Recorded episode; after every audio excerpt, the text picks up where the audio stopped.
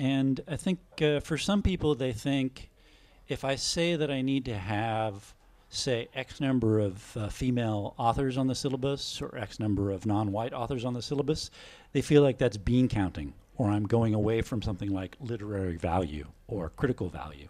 And so some people take that position. And, you know, if somebody posed it to me in an abstract philosophical way, like the trolley problem, you know, like, oh, should we do it that way? And you say, oh, well, you might end up with bad literature. But, you know, if you know the history of American literature at all, you know that's absolutely not the case. Now, the one thing is, the further back you go into literary history, back into early 20th century, 19th century, 18th century, 17th century, the more you will find professors and thinkers committed to uh, traditional canon, which usually turns out to be white and male. And there are a lot of different reasons for that, but there's also historical reasons. There are just actually fewer non white men publishing the further back you get into the 19th and 18th century, particularly 18th century, 17th century literature. You know, so that's a, that's a different question. And, you know, I, I teach almost exclusively uh, 20th and 21st century stuff. Although you, I did take teach Neil's 19th century American literature class that you took, and I think you took also, right? Yeah. Yeah. I hope it was all right. Yeah. yeah, in which uh, we discussed, uh, and you were talking about this in class as well, about how different authors we had on the syllabi wasn't on there just I don't know 30 years ago or something. It was uh, Frederick Douglass, Kate Chopin, uh, and different uh, different authors, uh, you know, and that's I think that's very poignant what you said about if you know about American literature, you wouldn't really be against diversifying the syllabi since there truly is just so much different literature you can read from the US. It's such a vast history. So, and that's what you really get a good hang of when you uh, attend uh, a course at, uh, in, in, American literature or English literature, of course. So, um, but I wanted to ask a bit about this process of um, selecting the the syllabi. Sort of when you know you're going to be teaching a course, um, what is kind of the by what you talked a bit a bit uh, a bit about it earlier, but what are sort of the metrics by which you choose the different books? Because the, often there's like a it's kind of like being in a candy store or whatever. You have too much to choose to choose from. So it's pretty hard actually. And at the end, there's, there's, always at the end, no matter how I shuffle it around, I'm I'm always pissed off because there's one work I can't figure out how to get on there. Um, but part of it is practical, and I generally don't teach that very many super long novels, um, which is a bit of a problem. Uh, but uh, you know, it'd be worse for me if I taught more 19th century literature. Like, you know, who's going to teach Moby Dick? Uh, you know, I don't know if that should be taught or not, but and so you know, I think about, I, th- I definitely, I think about the students. I think about it as a certain kind of negotiation, and certain things I'm committed to, and I'm like, I don't give a damn whether they don't like it or not. They need this, and it'll be good for them. But then other things, I'm like, no, you know, that doesn't go over that well, and especially since I don't really feel like I know um, Norwegian culture the way I know American culture. So, you know, I respect feedback. And you know, some of these classes I teach multiple times, and texts that I'm like, this is exactly the text. This is perfect and it's brilliant. But I do it once or twice, and sometimes three times. I'm like, it really is not working. And so then I just I take it off. Sometimes I bring it back and try it again later. So I think about, you know, actually practically what has worked in terms of how um, exciting or stimulating it is uh, for students. Uh, but so I have some ideas about, you know, like, oh, you need this if you're going to know this period. Or, you know, this text is brilliant because it helps you think about the world in a specific way. So, you know, it's it's complicated because you got to think about pragmatics of class, how long it is, what people are going to want to write on, what they're going to do, what they're going to go on to write their theses on. And then um, for me, you know, I have at least two, three, four different things that if you ask me, I think literature should do for people. So I'm like, oh, you know, like, do I want it this like an example of a genre or something that tells you something crucial about his, history? Or do i want this that shows you like a beautiful combination of language that i think is powerful instrument for thinking about you know your own life? So there's all sorts of things. It's kind of a complicated conversation. And inertia you know. Once i teach a class i'm kind of inclined to repeat it. Yeah. Of course. Uh, that's probably not the good answer but no but like that must be a nice part of the job. That if you've kind of found out that a syllabus works really well, yeah. and then you can kind of just pump it out each semester. It sounds like a nice uh, kind of existence.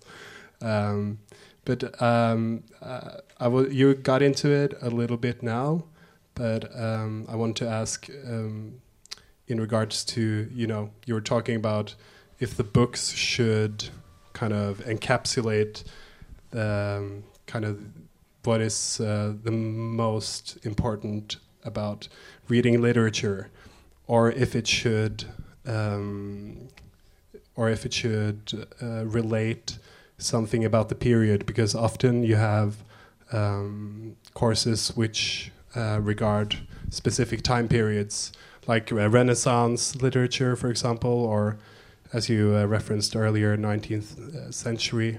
Are you trying to like, are you trying to show the breadth of the literature which existed at that time, or are you trying to kind of represent the age through the literature the most? So you've kind of already answered, but. Uh, I mean, most of my classes go chronologically, and I try and you know history is important, but I do keep in mind the fact that I'm not, history is not my discipline. And if you focus too much on history, then you risk making the literary text into something like sociological data, you know. And it's not that. It's it's that a little bit. So when I think about it, I do think about uh, different historical periods, but it's not primary, right? Primarily, I think about what kinds of imaginative habits will the text foster? What kinds of um, doors of perception will it open, which sounds like LSD, of course. But um, I mean, that's the classic text, Aldous Huxley's Doors of Perception. But just these ideas about how does it let you think in more broader ways about the world. That's what I think about more than about history. I haven't attended the psychedelic literature class at the University of Oslo. Is that something you have in mind? well, you know, before I my first semester here, um, I didn't get to determine my own classes. They're just like, okay, here you go. You take these classes. And one classes was 50s and 60s uh, American literature. And I'm like, okay. And I did teach um, Ken Kesey's uh, The Electric Kool Aid Acid Test, which is all about. Um, I, am not familiar with it. Um, well, you know, Ken Kesey was a. Um, both a countercultural figure in Cal- on the West Coast. He's from Oregon, but he primarily uh, came, uh, you know, into his own in California, and he was in a place where he had early access to LSD. And so then it was this moment where people are thinking about, oh, you know, and in this moment, a lot of people were thinking about it. It's not recreational, you know, it's not, it's serious. It's about like, you know, expanding your mind. And so he, you know, had this. They took a bus and went across the entire uh, country, and you know, dosing. And they had these parties where they'd have the Kool Aid and they'd have the LSD and the Kool Aid. And so, you know, it represents a moment. And I was thinking, oh, if you want to talk about the '60s, you have to talk about this. But you know, um, it's also known as a, an important text in this movement called New Journalism, right? Taking you know nonfiction texts and, and using uh, literary techniques to represent them. So you know, I wasn't just thinking about that, but you know, there's a long history of thinking about um, psychotropics and psychedelics and alcohol and stuff as being aligned with uh, literature, right? I mean, Baudelaire's got the famous poem, you know, you should get drunk. Like, oh, what are you going to do it with? Are you going to do it with literature or wine or virtue? Virtue is the other one. And I don't really get that one the other way. But this idea that you lift some of the normal um, strictures of thinking. Um, and, you know, people would say that's what alcohol and psychotropics are for. Uh, and that's what literature is for. Yeah. Yeah, I was um, thinking about like uh, it was a it's an author we I or you mentioned earlier, uh, Virginia Woolf. Uh, it's uh, I wouldn't say reading her novel is like taking LSD, even though I haven't. Uh, but um, uh, but um, it's kind of puts you into a kind of psychological space where where it's really really overwhelming, and that's something literature often does. Um, uh, you were talking about, you know, trying to help students, or you're, you, when you're selecting the syllabus, uh, you have the student in mind. have you ever had to like mediate directly with students? Ha has there been like catastrophical kind of syllabus publish. You mean like we hate this? This is terrible. Yeah, we fucking hate this. I'm exiting the course uh, or, uh, anything to to that extent. In Norway, I haven't had anything that dramatic. There is a text that I love, and I, you know, I, I started out as an expert on the Harlem Renaissance, James Weldon Johnson's autobiography of an ex-colored man and I'm like, oh, this is so great. And you know, and actually, you know, as when people know me as a scholar around the world, they primarily know me as a scholar of James Weldon Johnson. But I, I kept, I taught it two, three. I don't know if anybody here read it with me. Students never liked it, and they're like, "Why are we reading this?" And I, I kind of wanted to say, "What's wrong with you?" but I just, I gave in basically. But um, I mean, you um, could. Perhaps they'd change their mind then. I think they'd come over to the other side if you berated them. Yeah. Well, you know, did you take uh, 4422 with me? I'm not. Uh, those are just a bunch of numbers to it's me, honestly. Can you? it's, a, it's, a, course that I've taught on uh, racial violence in American culture. You're teaching that course right now, right? Yeah, that's right. Yeah. I mean, not at the moment, but uh, yeah. So I when know. I so when I, for the last at least five or six years, I do eight weeks of assigned texts, and then I leave the last two weeks open, and I ask students what they want to read. Because this idea of like they can have direct input, and like they can recommend things, and it's usually an interesting conversation. Um, to actually get recommendations, I find most uh, English literature students are terrified to even like put their neck out in any sort of way. I haven't gotten the quite enthusiastic, you know, responses that I imagined when I first did this, but I still think it's cool, and people are hesitant, and um, I don't know. You were kind of expecting. we did this yeah. last, yeah. Do you remember what we ended up reading? Wait, I'm in your class right now. Oh, right now. Yeah. You're in my class right now too. Okay, I'm sorry. I thought I had students here who have done it before.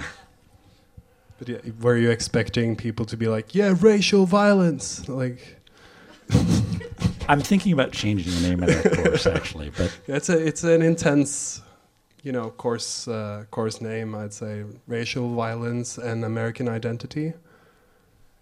That's the name of the course. Well, for me, I think literature is a specific way of knowing the world. Uh, it's not sociology, it's not physics, but it still it delivers a certain kind of knowledge. And you know, who are the experts on culture, right? Not sociologists, you know, not maybe anthropologists on a certain level, but you know, literature sits in that space between we know a lot about language, but we're not quite linguists, right? We know about human motivations, but we're not psych- psychiatrists or psychoanalysts or anything like that. And we know about culture. So, you know, we have an expertise as readers of literature in this intersection of language, consciousness, and culture. So I think it, you know literature gives us a particular uh, viewpoint with which to diagnose certain things about culture, And so then I'm like, okay, what about American culture needs to be diagnosed? And so, you know, the deep, abiding, and often violent role that the racial divide plays in the U.S. seems like something that, you know, you have to think about. And so I'm like, okay, what if we use literature as a tool to think about this? That's the provenance of that course. Yeah. So I just imagine it must. So I must imagine it's kind of, I don't know, uh, hard is not necessarily representative of what I'm getting at here. More important when you're kind of choosing the syllabus to a course like this because you're kind of shaping, as a professor, you're kind of shaping uh, each student's view of this very serious issue. So uh, I bet you feel a lot of like responsibility when you're choosing these texts. Yeah, I do, but some of it is easy because they're just like these central texts. The canon, you, kind of. They're part of the new canon, you know, and I think people don't think about that often enough. We have, we're starting to form a new canon. People still think, you know, we're kind of anti-canon, but you know, Frederick Douglass, eh, Toni Morrison, and you know, other figures, these are now part of the canon, and I think we should acknowledge that and think about, you know, because you know, it's easy to say, oh, we don't have a canon, but I think we do. But but back to your question, like, yeah, some of the choices are difficult, but some of them are easy because I'm like, okay, if you want to really know about race and responses to uh, racial violence, whether physical or systemic, there are certain texts like, I mean, you cannot not read James Baldwin you know, you cannot not read Frederick. So some of it just is like, of course, you know. Like the question, the hardest is like, what what things that seem essential can I not fit onto the syllabus? Yeah. So you, yeah, you were talking about that earlier as well, how you're, how you're kind of always having to leave integral stuff off it's there's something maddening about it. Like every time I'm like looking at like the number of weeks I have, I kind of something about math seems to break down in my head. Like how can I can't not how can I not fit all these things into the syllabus? But there's always like something that I really want to teach, or I think I should teach that I can't get onto the syllabus. Mm. Yeah, yeah. So we were talking about like the the racial violence in in the U.S. It's, you know, sounds like a big like a big course. Um, there's also a sort of um, uh, no, I will not say that. Um, I'm sorry. Um, back to uh, regarding the poster of um, this uh, event. So I don't I don't know if you've seen it or not, but it's very salacious because um, in the title. Uh, it's basically like, but what about Twilight? And um, and that's kind of uh, a key component I kind of want to get into because you um, uh, referenced earlier that there's you know contemporary um, uh, culturally popular relevant uh, literature that is being taught through different courses. But I, as an American or like English literature student in my four years now, or like three years where I've uh, had a syllabus on my courses, I haven't once heard a mention of you know Twilight. I haven't heard I haven't heard a mention of uh, Harry Potter. I, I um, Lord of the Rings. Tolkien is not mentioned once in British literature, and I find it kind of, I don't know. I'm not like, it's not super important for me that, you know, uh, professors of literature must analyze the relationship between Bella and Edward or whatever. but um, why isn't there more representation of contemporary literature in entry level courses at the university. Well, Twilight's not exactly contemporary, is it? Answer the question. I, I, okay, I, I, know, I know what you're talking about. So I've never taught the uh, freshman level courses, the Introduction to American Literature, and nobody would ask me to teach the Introduction to British uh, Literature. So I don't know. It seems like if those things are going to show up, they're likely to show up in the 2000 level courses. And some people do teach those kinds of things. It generally is not me. Um, but you know, so we were. Ta- I was talking earlier about the kind of history of uh, canon and canon development, and one of the things that's also happened to the discipline of literature is the rise of cultural studies. You know, uh, post Foucault, and even more important, this you know a group of scholars at the University of Birmingham said, "Hey, we should read you know like." magazines for 17 year olds as well as Shakespeare. That's actually one of the things they did study. It's like That's interesting. Yeah. I must say. It's in the if you take the 4301 course, it's not assigned, but it's on this, the the reader, Angela McRobbie. It's like, oh, you know, this important uh, figure in the Birmingham School is like reading through these magazines and thinking about that. And so that's an outlook that says what we should be doing in these courses, whether we call them literature or cultural studies or whatnot, is we should be training uh, readers, whether they're students or not, to look at their surroundings in a critical way right? So it doesn't matter if you, the, from this perspective, it doesn't matter if you can read Shakespeare or Toni Morrison. It matters if you can figure out the rhetoric or the structure of the kind of little 20 second ads they flash in your eyeballs when you're standing on the T-Bana station, right? And so, you know, I think that's important. And there's something to be said for that. And that from that perspective, what matters is how you read, not what you read you know, I have colleagues I've heard say this, like, you know, we teach uh, reading techniques and disciplines how to be critical. It doesn't matter whether it's the Hunger Games or Shakespeare or something else like that. I think that has a place, and I think that's important. I think other people are in a better position to do that. And part for for me, part of it is at least a little bit um, biographical.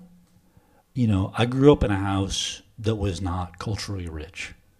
My parents were not savvy or sophisticated or worldly people in any ways. And so for me, the literature was like a different world, you know? And so, uh, for better or for worse, I kind of think about like providing these openings to like an entirely different world, you know? And so, Twilight, you know, that's cool but it feels very not, much. It's not cool.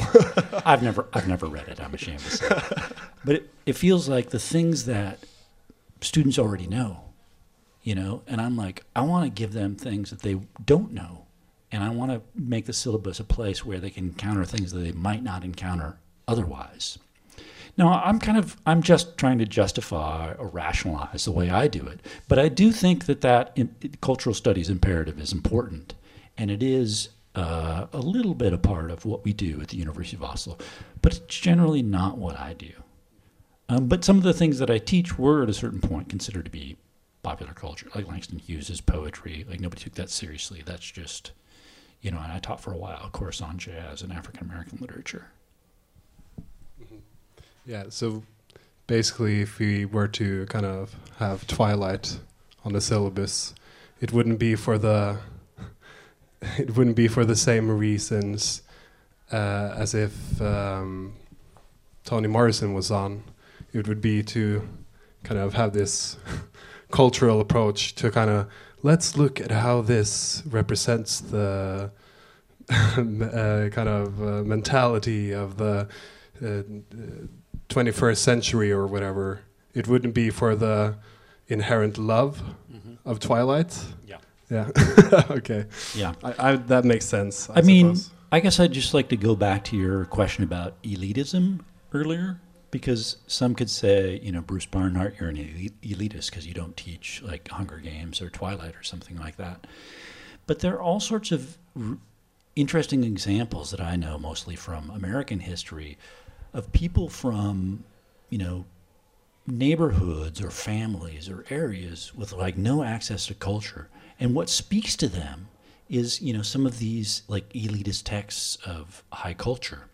you know, I read Huey Newton's uh, biography uh, last semester. Brilliant, revolutionary suicide. This like kind of um, lower class uh, guy who grew up in you know rough black Oakland and went on to form the Black Panthers. And he talks about reading his uh, older brother's community college textbooks, this poem Ozymandias by Shelley, and he memorized it. And for him, it was like this was like it really spoke to him. So you know, to me, I think about that. What are the things that kind of think let you think about your surroundings in a totally different way, or kind of thinks let you think outside of your surroundings? So I don't think it's necessarily, you know, elitist not to teach uh, popular literature. I mean, as um, as a, um, a master's student by now, I think you can kind of not. it's it's difficult to uh, kind of never feel a bit elitist, I suppose, because the, you know there's an inherent hierarchy uh, of kind of levels. you know, um, not to say that there it's super important, but I think like on a personal level, it's kind of hard to let that go. You know, it's also hard to let go of the notion that why something is selected to a syllabus that the reason is elitism because perhaps that I don't know it says more about the person than the actual uh, canon I would say. Yeah. Well I mean you have to acknowledge the fact that uh, universities which I love you know not only because they pay me but because it's a cool place they have served a certain kind of gatekeeping function also right? And so, you know, in American life in particular, but I imagine in Norway also, you know, the idea was you had to pass through university, not necessarily to train your mind, but then you would mark yourself as part of the elite, right? And so I deserve a job on Wall Street or something like that because, you know, I have this, you know, marker. So one of the things that the university has traditionally done, as well as helping people think, you know, expansively about the world, it has helped to justify you know, class divides. And it still is very true in the US. If you look at the average earnings of people without an undergraduate degree and the average earnings of people with an undergraduate degree, it's a sharp difference.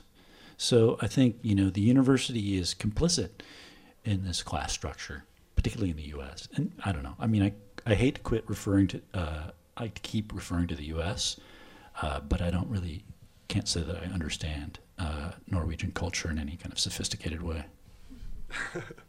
I think uh, kind of, I think the same tendencies would be uh, represented here, but perhaps not as uh, in, not intense, but not as um, extreme as in the U.S.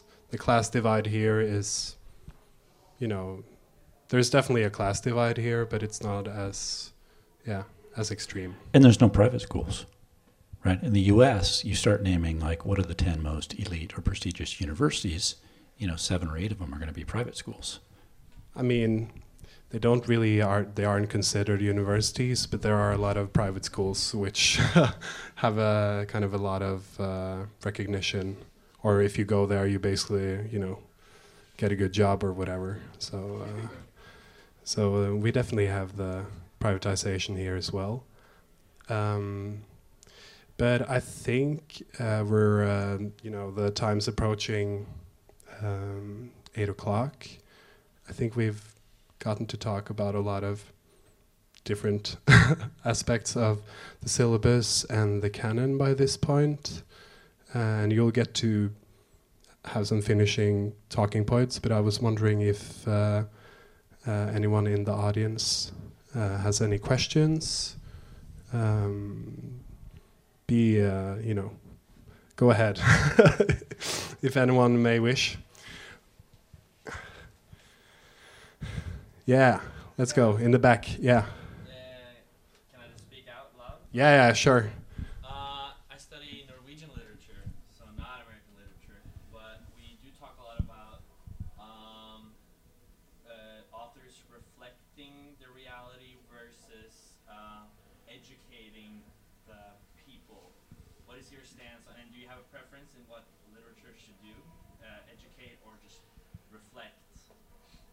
should it tell us something about ourselves or should it uh, teach us what we should do? To me, it seems more important about this openness to the future, about what we could be or what could be, you know, like shifting something. And so reflection, you know, it, it's hard to get away from that, but um, it seems a little bit dull to me, you know? Like, I kind of see the world and I don't need a camera of it, you know? When I want to read a great work of literature, I don't want more reality, you know? I want something else, something beyond, you know? And so, but, you know, the reflection function is also part of it. But, you know, there's this great quote, and now I'm sorry, I can't remember who it's by, and this is literature is not a camera, it's a steam engine right? And I love this idea that it creates something or makes things move. Yeah. Um, did you have a question? Uh, yes. Yeah, Agnes? Um, I was wondering when choosing a syllabus, are there texts that you would consider practical to teach and that you would like to teach that you still refrain from teaching? And if so, what are the factors that keep you away from them? You mean like it's too like sexually explicit or racist or something like that. this is a big issue in the U.S., you know, and people are afraid of it. And people talk about like, oh, if I teach this, I need to put trigger warnings on it, you know. And of course, right, you've read with me a couple of texts that are explicitly about lynching. Like, what could be more triggering than that, if there is such a thing? So generally, no. Uh, the the kind of dumb and mundane issue is length. There are some longer novels that I would like to teach, but you know, I look at the syllabus. I'm like, okay, I want to teach that, but I do I want to teach that instead of these two or three other things. And so that's the thing I struggle with more than anything else. I did teach um, Gayl Jones's Corregidora, uh, which is a brilliant work of literature, but it really has some pretty intense um, scenes of sexual abuse in it. I had kind of forgotten about them when I put it on the syllabus, so I was kind of shocked. I'm like, oh, now I have to teach this. So, I mean, I would think twice again before I assign that. I wouldn't necessarily leave it off. Um, and I haven't taught that course again for a while. Uh, I would like to teach that course again, but I don't know. I mean, so that's one I would think about. Um, and, you know, does it work in the classroom? am I the person to actually like you know put that into the classroom? You know, maybe not. But uh, no, I don't really. I don't really have things that I say no to. Yeah. Um, it, hmm? Yeah. Okay. You can continue. No. No. I mean, you know, overtly racist texts. That's a thing that uh, I shy away from. But I did teach in an earlier version of the Racial Violence and American Identity course this text by, oh no,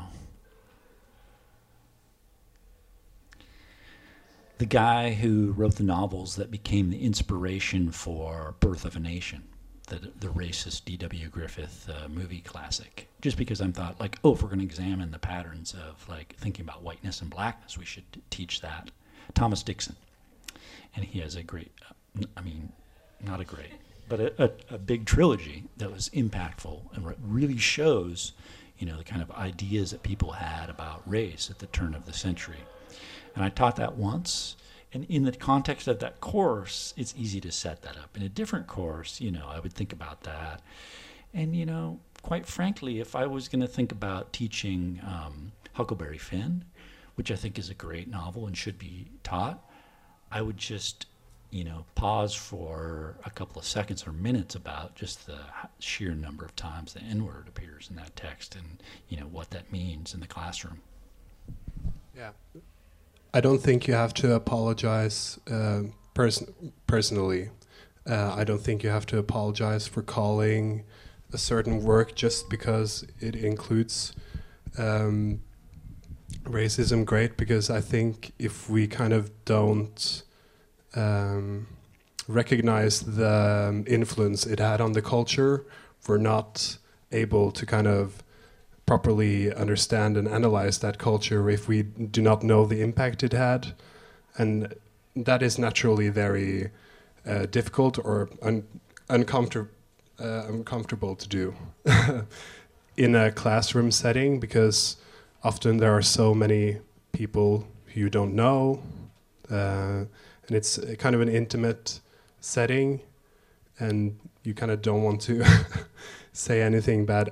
That was why I laughed about the sexually explicit um, because you went straight there, and that's kind of fun because that's really not the norm for uh, literature classes at the University of Oslo.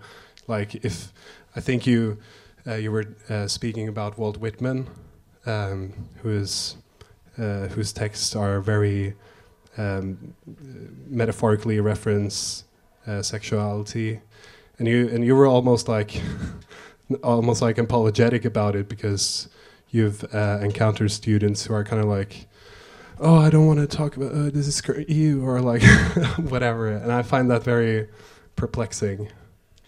Well, I still bear the traces of having taught in the U.S. for years, and so you know when I teach Whitman, I'm like, you got to let this work on you. You got to like get excited about Whitman.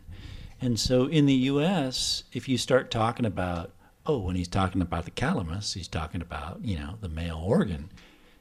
In the you're gonna certain number of students are gonna be like, okay, I'm done. I hate Whitman. I'm over. So you know, I kind of have this That's notion absurd. of like. I mean, and you can tell me if I'm, you know, being too generous to Norwegian students, but my sense is that doesn't work in the same way here. Like people are not. But uh, so I still, I'm like, you know, I'm like, okay, I want them. I mean, a lot of the work thing when I'm in the classroom, I really am trying to sell the literature. I'm like, you know, let this take you to the place that it takes you to because it'll be cool, you know, just. Yeah, we're definitely more liberated in that sense than the US.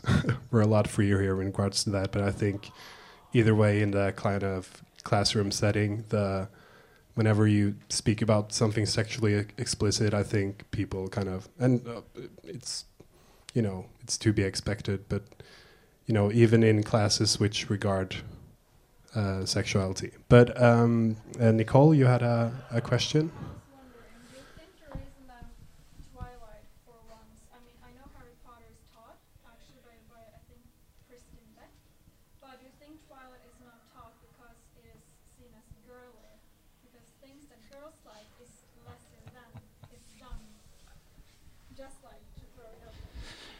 I mean, I'm embarrassed to say that I haven't read Twilight.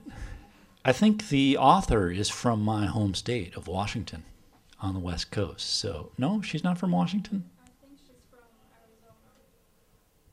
Arizona. Oh, okay. Well, the West in general. But um, so I don't know if I can address your question, but it's a good question because that has been a long history of how the canon has been formed in the U.S. In the 19th century, many of the most successful authors were female authors. And most of us cannot name these women now, right? And so, you know, Hawthorne and uh, a realist novel for, novelist from the a male novel complained about this scribbling mob of women. Melville? No, it's uh, Howells. Um, and so, you know, these were people who were really shaping American culture. And then when the canon got formed, particularly in the 20s and 30s, they were kind of written out of the story. So I think, you know, that's always something to keep your eye on. Like, not only things written by women or by men, but the way in which, you know, they get coded as girly or too feminine. Uh, but in the case of Twilight, I don't know. They're vampires, right? I thought I thought vampires were cool. I didn't know they were girly. I guess they're probably girly vampires too. Um, you thinking about th- girly vampires? there are, gr- yeah, of course, of course there are. I think, uh, I, I think the vampiric uh, kind of aesthetic is kind of feminine, a bit. But um, um, you know, they glitter and stuff. You know, it's all about this shit. And uh, they glitter in Twilight. It's a no, we haven't read it, but um, um, Are there any more audience questions? no. Okay. Yeah. Just what classes do you teach? I teach, um, and I'm gonna next semester. I'm gonna be teaching multicultural American literature, which is a 2,000 level undergraduate course. I regularly teach a master's course on time and money, in the American novel. It's a great course. Thank you, Arthur. And then I teach this course, uh, another master's level course on racial violence and American identity. Uh, I teach American literature. We divide it up into from the beginning of the 20th century to World War II, which I used to teach, but now Stuart McWilliams is teaching that. And then I teach uh, this course from 1945 to the present, which I'll be teaching next uh, semester. So we do not as in British literature, they tend to do more like specific periods, like romantics and stuff. But we do have a certain kind of periodization. But basically, if it's 20th or 21st century uh, African American American literature, those are part of what I cover. You did critical theory as well, right? Yeah. I always, yeah, I also teach the uh, introduction to literary theory, which I'm teaching now and I'm looking around because there's always students that hate that class, and they're like, "God damn it, Bruce Barnhart's making me read this difficult stuff, man." It's all Marx and yeah, a lot of like Freud and uh, Derrida and uh, that really technical. That class has a canon more than other classes, right? You know, yeah. like you have to read Marx, you have to read certain people from queer theory, you have to read certain, you know, it's just like you must read. So that is more canon driven than anything else that I teach at uh, University of Oslo. Yeah, that really makes sense though when you have to kind of get the theoretic kind of background. Yeah, I guess every analyze. I guess every discipline has its kind of core methodologies, and so you know you're kind of disciplining people or introducing them to the discipline however you want. But yeah, I would I would say that attending a university is by its essence a disciplinary kind of uh, yeah a disciplinary act attending the university you have to kind of learn discipline and um, and disciplines but um, uh, if you have anything you kind of want to shill or whatever if you have anything you want to like uh, notice people about if you have anything uh, like a book or anything, or you can. You mean like a book? I think people should read. Yeah, for example, or, or of your of your uh, of your projects. If you have any projects going on, you can oh. tell the people about it. Well, I'm part of this research group at the university. Uh, some of us are from Eng AIMLabs and some of us from uh, comparative literature and some people from visual studies. It's called Temporal Experiments. And we released a book in January that's got different uh, ways of thinking about time and different uh, kinds of texts. I actually write about music in that uh, thing, so there's an essay in there on dub reggae. Cool. That's very LSD. Um, yeah, yeah, but it's also, more marijuana than LSD. Yeah, yeah, it's true. Um, uh, also, I got kind of interested by your uh, by you answering that. Like, do you have any uh, book recommendations, uh, perhaps outside the literary canon? Outside of the literary canon, yeah, or like something you want to like, something kind of underground or whatever. Well, you know, one of the things when you're asking me about syllabi disasters was there's this great American poet Nathaniel Mackey, sometimes called Nate Mackey.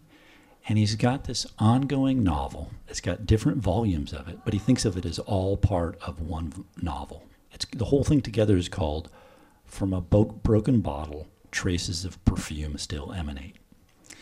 And, you know, it's got five, six volumes now. And mm, Bedouin Hornbook is great. Uh, Djbot Baghostus's Run is great. And it's an epistolary novel, all written in letters, but it only goes one way. So you never hear the answers.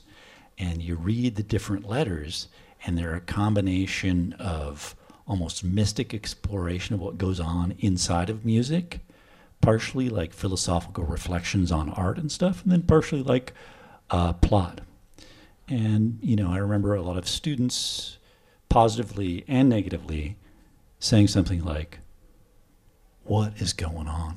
And I mean, I think that's part of the experience, and I think that's great. So I would, I would highly recommend Nathaniel Mackey's, Mackie's uh, prose, his ongoing novel series. The poetry is good too, but I really love the ongoing novel. So Nathaniel Mackey, yeah. That's my recommendation. Yeah, great. Yeah. So um, yeah, I must say thank you uh, for doing this interview. I think it's been really interesting and, of course, enlightening. Um, I always enjoy listening to you talk in class, and it's also nice. but it's nice to have uh, th this kind of a forum where we, uh, or it's nice to have like a discussion based forum, I think. And um, yeah, I'm just uh, really glad you you came, and I want to say thank you to everyone in the audience as well. Thank you for your good questions, and thank you to Chateau Neuf for uh, hosting this uh, inaugural uh, event uh, of uh, the cultural evening, uh, Kulturell Aften at Chateau Neuf. So yeah, but also just thank you, Bruce Barnhart. Uh, thank you so much for having me. Thank you for coming. I'm very happy to be here.